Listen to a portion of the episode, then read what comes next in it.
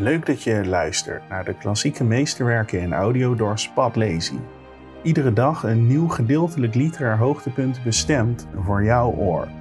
In deze aflevering het eerste deel uit het eerste deel van een der klassiekers der klassiekers, Don Quixote, ofwel de vernuftige edelman van La Mancha van Miguel de Cervantes. Abonneer je op deze podcast, blijf zelf boeken lezen en luister naar de klassieke meesterwerken in audio.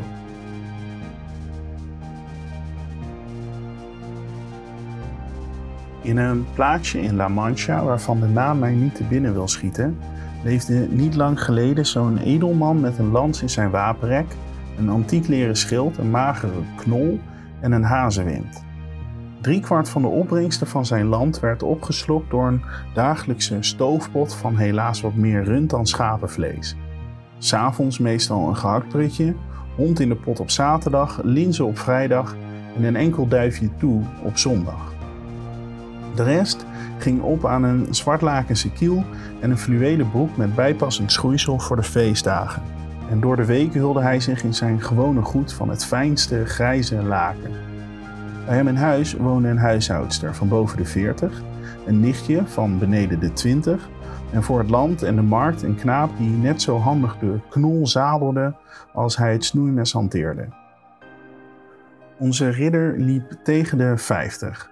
Hij was sterk van gestel, mager, schraal in zijn gezicht, een voorstander van heel vroeg opstaan en een geestdriftig jager. Er wordt wel beweerd dat hij Cuyada of Quesada heette, want dat verschilt enigszins bij de auteurs die hiervan melding maken. Al valt uit aannemelijke veronderstellingen op te maken dat hij Queana heette. Maar dit maakt weinig uit voor ons verhaal. Het is voldoende dat bij de weergave geen duimbreed van de waarheid wordt afgeweken. Men moet weten dat de bewuste edelman zich de ogenblikken dat hij niets deed, en dat waren de meeste van het jaar, met zoveel liefde en plezier wijde aan het lezen van ridderromans dat hij bijna helemaal de beoefening van de jacht vergat en zelfs het beheer van zijn haven. Zijn belangstelling of dwaasheid op dit punt ging zo ver dat hij hele lappen zeiland verkocht voor nieuwe ridderromans. Kortom, hij haalde alle titels in huis die hij maar te pakken kon krijgen. Niets vond hij echter zo goed als de vruchtsels van de beroemde Feliciano de Silva.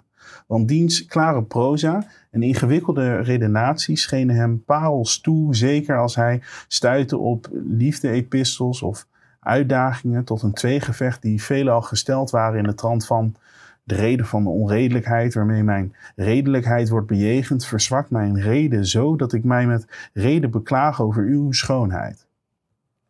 Of de hoge hemelen die uw goddelijkheid op goddelijke wijze met de sterren versterken en u de verdiensten doen verdienen die uw grootheid verdient.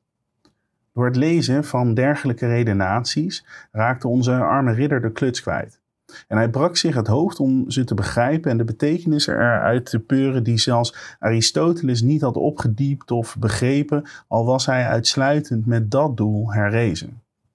Hij had moeite met de wonden die Bon Belliani sloeg en opliep, want hij vreesde dat zijn gelaat en lichaam, hoe uitnemend zijn heelmeesters ook waren geweest, onder de littekens en andere tekenen van geweld moesten zitten. Wat hij prees in de auteur was dat hij zijn boek besloot met de belofte dat eindeloze avontuur te zullen vervolgen. En vaak genoeg beving hem de lust zelf zijn pen te pakken en er met de daad een eind aan te maken zoals daar in het vooruitzicht wordt gesteld. En hij had het ongetwijfeld een keer gedaan en zelfs klaargespeeld, als belangrijker en nijpender gedachten het hem niet hadden belet. Hij had vaak met de pastoor van zijn dorp, een geleerd man die in Siguenza had gestudeerd, oneenigheid over de vraag wie de beste ridder was geweest. Palmerijn van Engeland of Amadis van Gallië Meester Nicolaas, de barbier van hetzelfde dorp, zei dat niemand het haalde bij de ridder van de Phoebus. En als iemand zich al met hem liet vergelijken, het Don Galaor was, de broer van Amadis van Gallië, want die was altijd bereid de mouwen op te stropen. Dat was niet zo'n aansteller of huilenbalk als zijn broer, en wat moed betreft deed hij niet voor hem onder. Kortom, hij ging zo op in zijn lectuur dat hij alle avonden en nachten, van zonsonder tot zonsopgang en alle dagen van de ochtend tot de avondschemer doorbracht met lezen. En van het weinige slapen en vele lezen droogden zijn hersens zo uit dat hij zijn verstand verloor. Zijn brein vulde zich met alles wat hij in zijn boeken las, zowel met betoveringen als twisten, veldslagen, tweegevechten, verwondingen, galanterieën, minnekozerijen, tegenslagen en de onwaarschijnlijkste onzin. Zijn verbeelding werd zo geprikkeld dat hij dat hele stelsel wonderlijke spinsels als waar ging beschouwen. En er voor hem niets waardes op de wereld bestond. Hij zei dat de Cid Rui Diaz een voortreffelijke ridder was geweest maar het niet haalde bij de ridder met het brandende zwaard, die met de rug van zijn hand in één klap twee woeste reuzenreuzen door midden had geslagen. En nog meer had hij op met Bernardo del Carpio, omdat die in de Ronken Falls de betoverde Roeland had gedood door zich te bedienen van de list waarmee Hercules, de zoon der aarde, Antheus in zijn armen smoorde. Hij zei veel goeds over de reus Morgante, want al behoorde die tot het geslacht van de giganten die stuk voor stuk hoogmoedig en brutaal waren, hij was als enige bemiddelijk en wel opgevoed. Maar het meest had hij op met Reinoud van Montalbaan. Vooral toen hij hem uit zijn kasteel zag komen en iedereen op wie hij stuitte zag beroven. En toen hij aan de overkant van de zee, zoals zijn historie meldt, dat volledig gouden afgodsbeeld van Mohammed stal.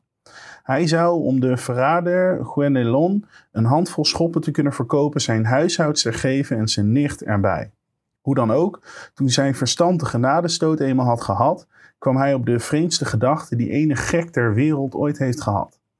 En dat was dat het hem gepast en gewenst leek, zowel ter verhoging van zijn eigen roem, als ten dienste van het land dolend ridder te worden en met zijn wapens en paard over de hele wereld te trekken om avonturen te zoeken en al het andere te doen waarvan hij had gelezen dat dolende ridders het doen.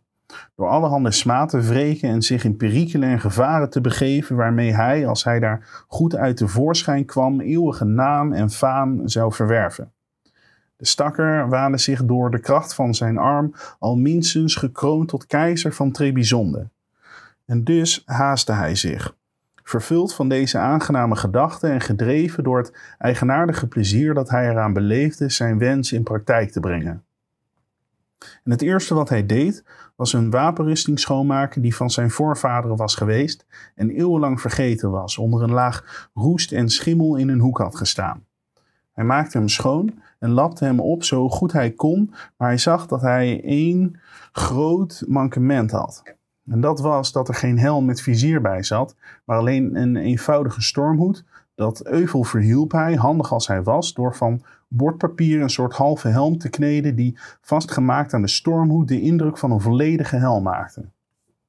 Om na te gaan of het ding deugde en bestand was tegen een hou, trok hij zijn zwaard en gaf er twee klappen op, waarvan de eerste in één tel vernietigde waar hij een week aan had gewerkt. Maar hij gaf het niet op. Hij betreurde het gemak waarmee hij de helm had gesloopt, maar om dit gevaar te bezweren, zette hij hem weer in elkaar met twee ijzeren staven aan de binnenkant tot hij tevreden was over de stevigte en het hoofddeksel zonder een nieuwe proef te doen beschouwde en zag als een vizierhelm van de bovenste plank. Hierna ging hij zijn knol bekijken. En al was het beest schonkiger dan een vierkante reaal, en had het meer gebreken dan het paard van Gonella, dat Tantum Pellis et Ossafuit. Hem kwam het voor dat zelfs Alexanders Bucephalus of Babieka, dat van de Cid, het niet evenaarde. Vier dagen lang dubde hij over de naam die hij het zou geven. Want naar hij zichzelf voorhield, het ging niet aan dat het paard van zo'n beroemde ridder en zo uitnemend van zichzelf zomaar een naam had. Dus deed hij zijn best het erin te geven waaruit zowel bleek wat het was geweest voor het van een dolende ridder werd, als wat het nu was. Het was immers niet meer dan eerlijk dat wanneer de heer van staat wisselde, het paard mee veranderde en een roemruchte, klinkende naam kreeg in overeenstemming met zijn nieuwe rang en bedrijf. En na vele namen die hij met zijn rijke verbeelding bedacht, schrapte en verwierp, langer maakte, doorstreepte en in ere herstelde, kwam hij er uiteindelijk toe het Rocinant te noemen. Volgens hem een nobele en welluidende naam die alles zei over wat het was geweest toen het nog een gewone knol was, alvorens te worden wat het nu was, te weten de nummer 1 van alle knollen ter wereld. Toen hij zijn paard nog wel zo naar tevredenheid een naam had gegeven, wilde hij zichzelf er ook een geven. En hierover dacht hij nog eens een week na, tot hij zich tenslotte Don Quixote noemde. Waaruit, als gezegd, de auteurs van deze ware historie hebben afgeleid dat hij beslist Quiada moet hebben geheten en niet Quesada, zoals anderen hebben beweerd.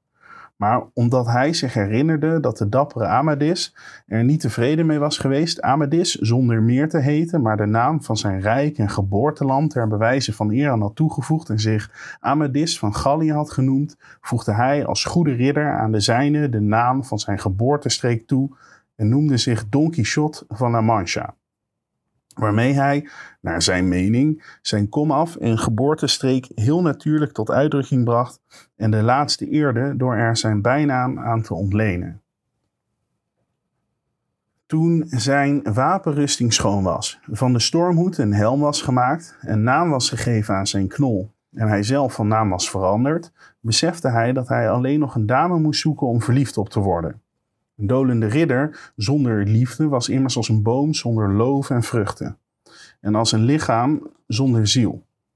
Hij zei bij zichzelf: Wanneer ik als straf voor mijn zonde of tot mijn geluk hier een of andere reus tegenkom, zoals dolende ridders gemeenlijk overkomt, en ik vel hem in één treffen, of klief zijn lichaam doormidden, of overmeest hem na veel vijven en zessen, wanneer ik hem dwing tot overgave, zou het dan niet mooi zijn iemand te hebben naar wie ik hem als geschenk kan toesturen? En dat hij dan binnenkomt en neerknielt voor mijn zoete meesteresse en nederig en onderdanig zegt: Ik, mevrouw, ben de reus Bredewang, heer van het eiland Quardarië.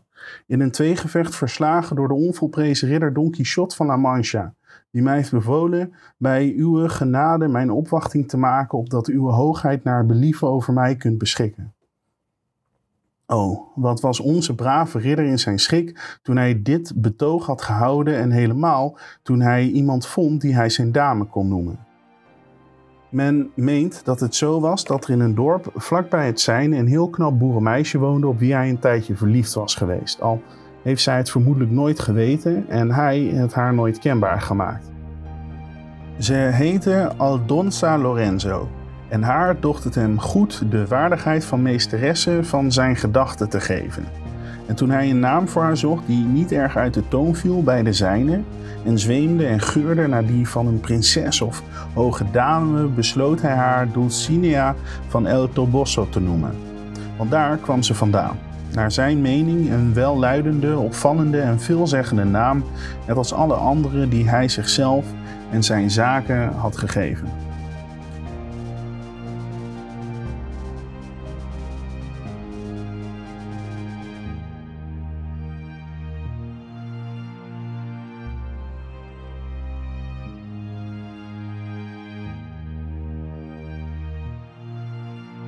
Na deze voorbereidingen wilde hij zijn gedachten in daden omzetten. Want het zat hem dwars dat hij de wereld tekort deed door zaken als het tenietdoen van smaad, het rechtzetten van onrecht, het tegengaan van misbruiken, het opheffen van wantoestanden en het vereffenen van rekeningen langer uit te stellen. Daarom trok hij zonder iemand van zijn bedoeling op de hoogte te brengen en zonder dat iemand hem zag, voor dag en dauw op een van de warmste juli-dagen zijn volledige wapenrusting aan. Hij besteeg met zijn krakkemikkige helm op zijn hoofd Rocinant, schoof zijn schild aan zijn arm, greep zijn lans en reed door de achterpoort van zijn erf, zeer vergenoegd en opgewonden toen hij merkte hoe makkelijk zijn nobele plan begon de wijde wereld in. Maar nauwelijks was hij buiten het dorp, of er schoot hem iets zo vreselijks te binnen dat hij zijn pas begonnen onderneming bijna staakte. Hij bedacht namelijk dat hij niet tot ridder was geslagen en dat hij volgens de bepalingen van zijn doderschap tegen geen enkele ridder de wapens kon of mocht opnemen. En al was hij het geweest, dan nog moest hij als beginneling blanke wapens dragen zonder de vies op zijn schild, tot hij dit in de praktijk had verdiend. Deze gedachten deden hem twijfelen aan zijn voornemen. Omdat zijn waanzin echter meer vermocht dan enige redelijke overweging, nam hij zich voor zich tot ridder te laten slaan door de eerste op wie hij stuitte in navolging van vele anderen die dit hadden gedaan, naar hij had gelezen in de boeken die hem zo in hun ban hielden. Wat zijn wapenrusting betreft, die dacht hij bij gelegenheid op te poetsen tot ze blanker was dan een hermelijn. En toen was hij weer rustig, vervolgde zijn weg zonder een andere te nemen dan die welke zijn paard wilde gaan, van mening als hij was dat daarin de kracht van avonturen was gelegen. Terwijl onze fonkelnieuwe avonturier voortreed, praatte hij in zichzelf en zei Ongetwijfeld schrijft in toekomstige tijden, wanneer de ware historie van mijn vermaarde wapenfeiten het licht ziet, de geleerde die ze te boek zal stellen naar aanleiding van deze eerste vroege tocht, Nauwelijks had de rosblonde Apollo over het gelaat van de uitgestrekte grote aarde de gulden draden van zijn fraaie haren gespreid. En nauwelijks hadden de kleine bonte vogeltjes met hun zoet gefoiste tongetjes in lieflijke honingzoete harmonie de komst begroet van de rozenkleurige Aurora, die het zachte bed van haar jaloerse echtgenoot verliet en zich door de deuren en balkons van de horizon van La Mancha aan de stervelingen vertoonde. Of de beroemde ridder Don Quixote van La Mancha verliet de ledige veren, besteeg zijn beroemde paard Rocinante en reed weg door de aloude, welbekende landouwen van Montchel. En het was maar dat hij daar reed. En hij voegde eraan toe: gelukkige tijd en gelukkige wereld, waarin mijn vermaarde heldendaden het licht zullen zien. Waard als ze zijn ter latere nagedachtenis in brons te worden gegraveerd, in marmers beeld gehouden en op panelen geschilderd. O jij, wijze tovenaar, wie je ook bent, jij wie te beurt zal vallen de chroniekschrijver te zijn van deze uitzonderlijke historie, ik smeek je, mijn brave Rocinant, niet te vergeten. Mijn eeuwige metgezel op al mijn wegen en tochten. En ook zei hij, alsof hij werkelijk verliefd was: O prinses Dulcinea, meesteresse van dit geknechte hart.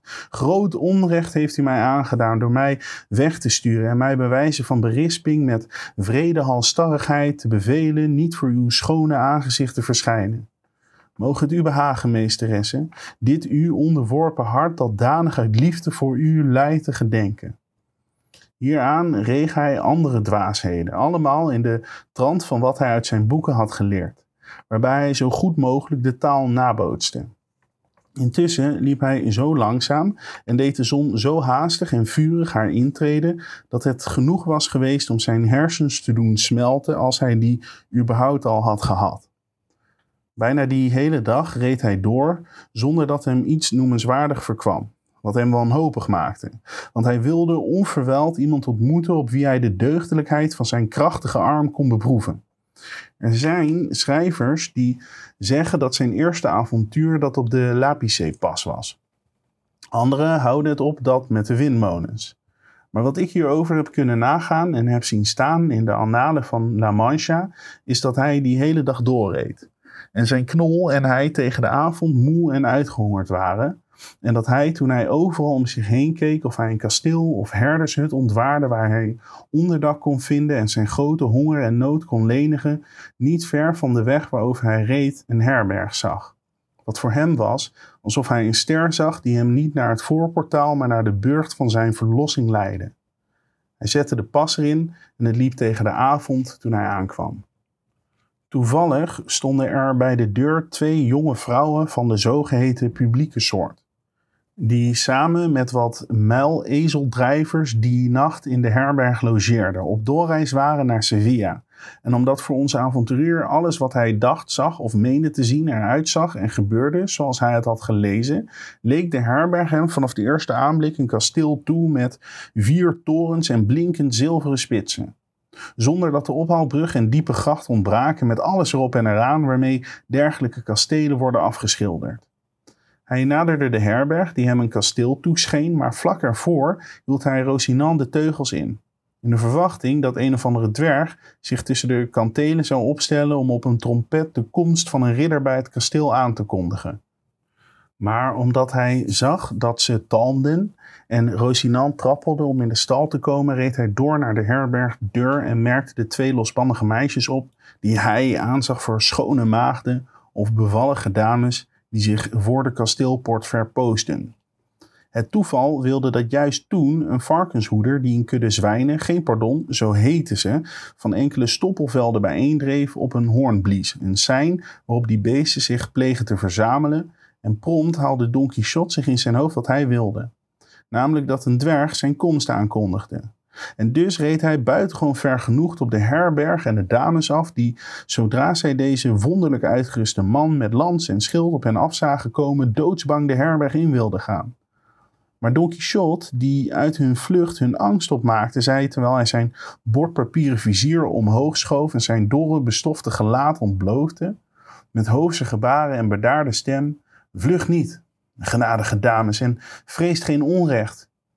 Vermits het de ridderorde waartoe ik behoor betaamt nog pas dat iemand aan te doen en zeker niet zulke hooggeboren maagd als u naar uw uiterlijk te oordelen bent. De meisjes monsterden hem en zochten met hun ogen zijn gezicht, dat door het ondeugdelijke vizier werd bedekt, maar toen zij zich maagden hoorden noemen, iets dat zo bezijden hun beroep was, konden ze hun lachen niet houden en schaterden zo dat Don Quixote zich begon te schamen en zei, matiging siert schone vrouwen. En een lach die uit een lichtvaardige reden ontspruit, getuigt bovendien van grote onnozelheid. Dat zeg ik niet om u te verdrieten of uw misgenoegen te wekken, mijn bedoeling is immers geen andere dan u te dienen. Door deze taal, die de dames niet begrepen, en het eigenaardige voorkomen van onze ridder nam hun gelach en daardoor zijn boosheid alleen maar toe. En het zou nog veel erger zijn geworden als niet op dat ogenblik de waard, een vette, dus vreedzame man, naar buiten was gekomen, die bij het zien van die vreemd uitgedoste figuur met dat allegaartje, toom, lans, schild en kuras aan wapenstukken bijna de maagde gezelschap had gehouden in hun blijken van vrolijkheid. Maar omdat hij eigenlijk bang was voor al dat wapentuig, besloot hij hem beleefd aan te spreken en zei erom: Als uw genade, heer ridder, een onderkomen zoekt, zult u, afgezien van een bed, want dat hebben we niet in deze herberg, al het overige in ruime overvloed aantreffen. Toen Don Quixote de nederige houding van de voogd van het slot opmerkte, want daar zag hij waard en herberg voor aan, antwoordde hij: Voor mij, meneer de kasteelheer, is alles goed genoeg. Want al mijn opsmuk is mijn rusting. En al mijn rust bestaat uit strijd enzovoort. De herbergier verstond dat kasteelheer verkeerd en dacht dat hij hem een heuse Castiliaan noemde, hoewel hij een Andalusiër was, nog wel van het strand van Sint-Lucar en geen geringere dief dan Kakus, nog minder verdorven dan een gesjeeste student die voor lakij speelt. En dus antwoordde hij, dan zullen uw bedden harde rotsen zijn en is uw slapen altijd waken. In dat geval kunt u rustig afstijgen, want u mag er zeker van zijn dat u in deze stulp gelegenheid te over heeft een heel jaar niet te slapen, laat staan één nacht. Na deze woorden hield hij de stijgbeugel voor Don Quixote vast, die met pijn en moeite afsteeg, wat begrijpelijk is voor iemand die de hele dag nog niets heeft gegeten. Hij zei dadelijk tegen zijn gastheer dat hij goed voor zijn paard moest zorgen, want het was de beste havereter ter wereld. De herbergier keek naar het beest. En het leek hem niet zo geweldig als Don Quixote beweerde, niet eens half. En toen hij het op stal had gezet, ging hij terug om te zien wat zijn gast wenste, die al uit zijn wapenrusting werd geholpen door de inmiddels met hem verzoende jonge vrouwen. Die zagen echter na het afnemen van zijn borst- en rugstuk geen kans het kraagstuk los te krijgen of de gebrekkige helm vastgemaakt als die was met een paar groene linten die ze moesten doorsnijden, omdat niemand de knoop eruit kreeg. Maar daar stemde hij onder geen beding mee in. Met als gevolg dat hij het ding de hele nacht ophield, wat het grappigste en vreemdste gezicht was dat men zich kan denken. En terwijl ze zijn wapenrusting afnamen, sprak hij heel zwierig in de veronderstelling dat de van hand tot hand gegane vrouwen die hem hielpen voorname vrouwen en dames van dat kasteel waren. Nooit tevoren werd een ridder door de dames zo onthaald als Don Quixote is overkomen toen hij vloot van huis en haard, maagden schoon verzorgde hem en prinsessen zelf zijn paard. Oftewel Rocinant, want dat, mijn dames, is de naam van mijn paard. En Don Quixote van La Mancha de mijne. Weliswaar had ik mij niet bekend willen maken voor mijn heldendaden in uw dienst en voordeel zulks hadden gedaan, maar de druk op deze oude ballade over Lancelot van toepassing te laten zijn op de huidige onderneming is er de oorzaak van geweest dat u mijn naam voortijdig kent. De tijd zal echter komen dat uw hoogheden mij beveelt en ik gehoorzaam en dat de kracht van mijn arm onthult hoezeer ik wens u te dienen. De meisjes die niet gewend waren zulke gezwollen taal te horen, zeiden geen woord terug. Ze vroegen alleen of hij iets wilde eten. Iets zou ik wel willen nuttigen, antwoordde Don Quixote, want naar mijn indruk zou dat mij wel bekomen. Toevallig was het die dag vrijdag. En er was in de hele herberg niets te vinden behalve een paar zootjes van een vis die ze in Castilië abadejo noemen. In Andalusië bacalao en in andere delen van het land curadillo en in weer andere truchuela, wat allemaal dezelfde stokforel is. Ze vroegen of zijn genade misschien truchuela wilde eten, want andere vis om hem te geven was er niet. Als het veel foreltjes zijn, antwoordde Don Quixote, die dacht dat het om kleine truga's ging. Kunnen ze met elkaar doorgaan voor een grote forel? Want het maakt mij niets uit of ze me acht losse realen geven of één acht reaal stuk. Het zou overigens best eens kunnen dat het met deze forelletjes net zo is als met het kalf dat beter is dan de koe of het bokje dat de grote bok overtreft. Laat hoe dan ook meteen komen, want het ongemak en gewicht van de wapenrusting zijn niet te dragen zonder juiste bestiering van de ingewanden. Voor de koelte zette ze zijn tafel bij de herbergdeur. En de waard bracht hem een maaltje slecht geweekte en nog slechter gekookte stokvis en een brood dat even zwart en groezelig was als zijn wapenrusting. Het werkte trouwens nogal op de lachspieren hem te zien eten. Want omdat hij zijn helm op had en het vizier omhoog hield met zijn handen, kon hij niets in zijn mond stoppen tenzij iemand anders het hem aangaf of hem voerde. En daarom was een van de dames hem gedienstig bij deze taak. Maar toen ze hem te drinken wilde geven, ging het niet. En het zou nooit gegaan zijn als de waard niet een rietstengel had doorgestoken en het ene uiteinde in zijn mond had gestopt, terwijl hij door het andere wijn naar binnen goot. En dit alles onderging hij leidzaam als ze zijn helmlinten maar niet stuk maakten. En terwijl dit gaande was, naderde toevallig een varkenslubber de herberg, die bij aankomst vier of vijf keer op zijn rietvlees blies, waarna Don Quixote er helemaal van overtuigd was dat hij zich in een vermaard kasteel bevond en werd onthaald op muziek en dat de stokvisforel was, het brood witte brood, de hoerendames en de waard kasteelheer, zodat hij het begin van zijn onderneming als zeer geslaagd beschouwde. Maar zijn grootste kwelling bleef dat hij niet tot ridder was geslagen daar het hem voorkwam dat hij zich niet rechtmatig in enig avontuur kon storten zonder de ridderslag te hebben ontvangen.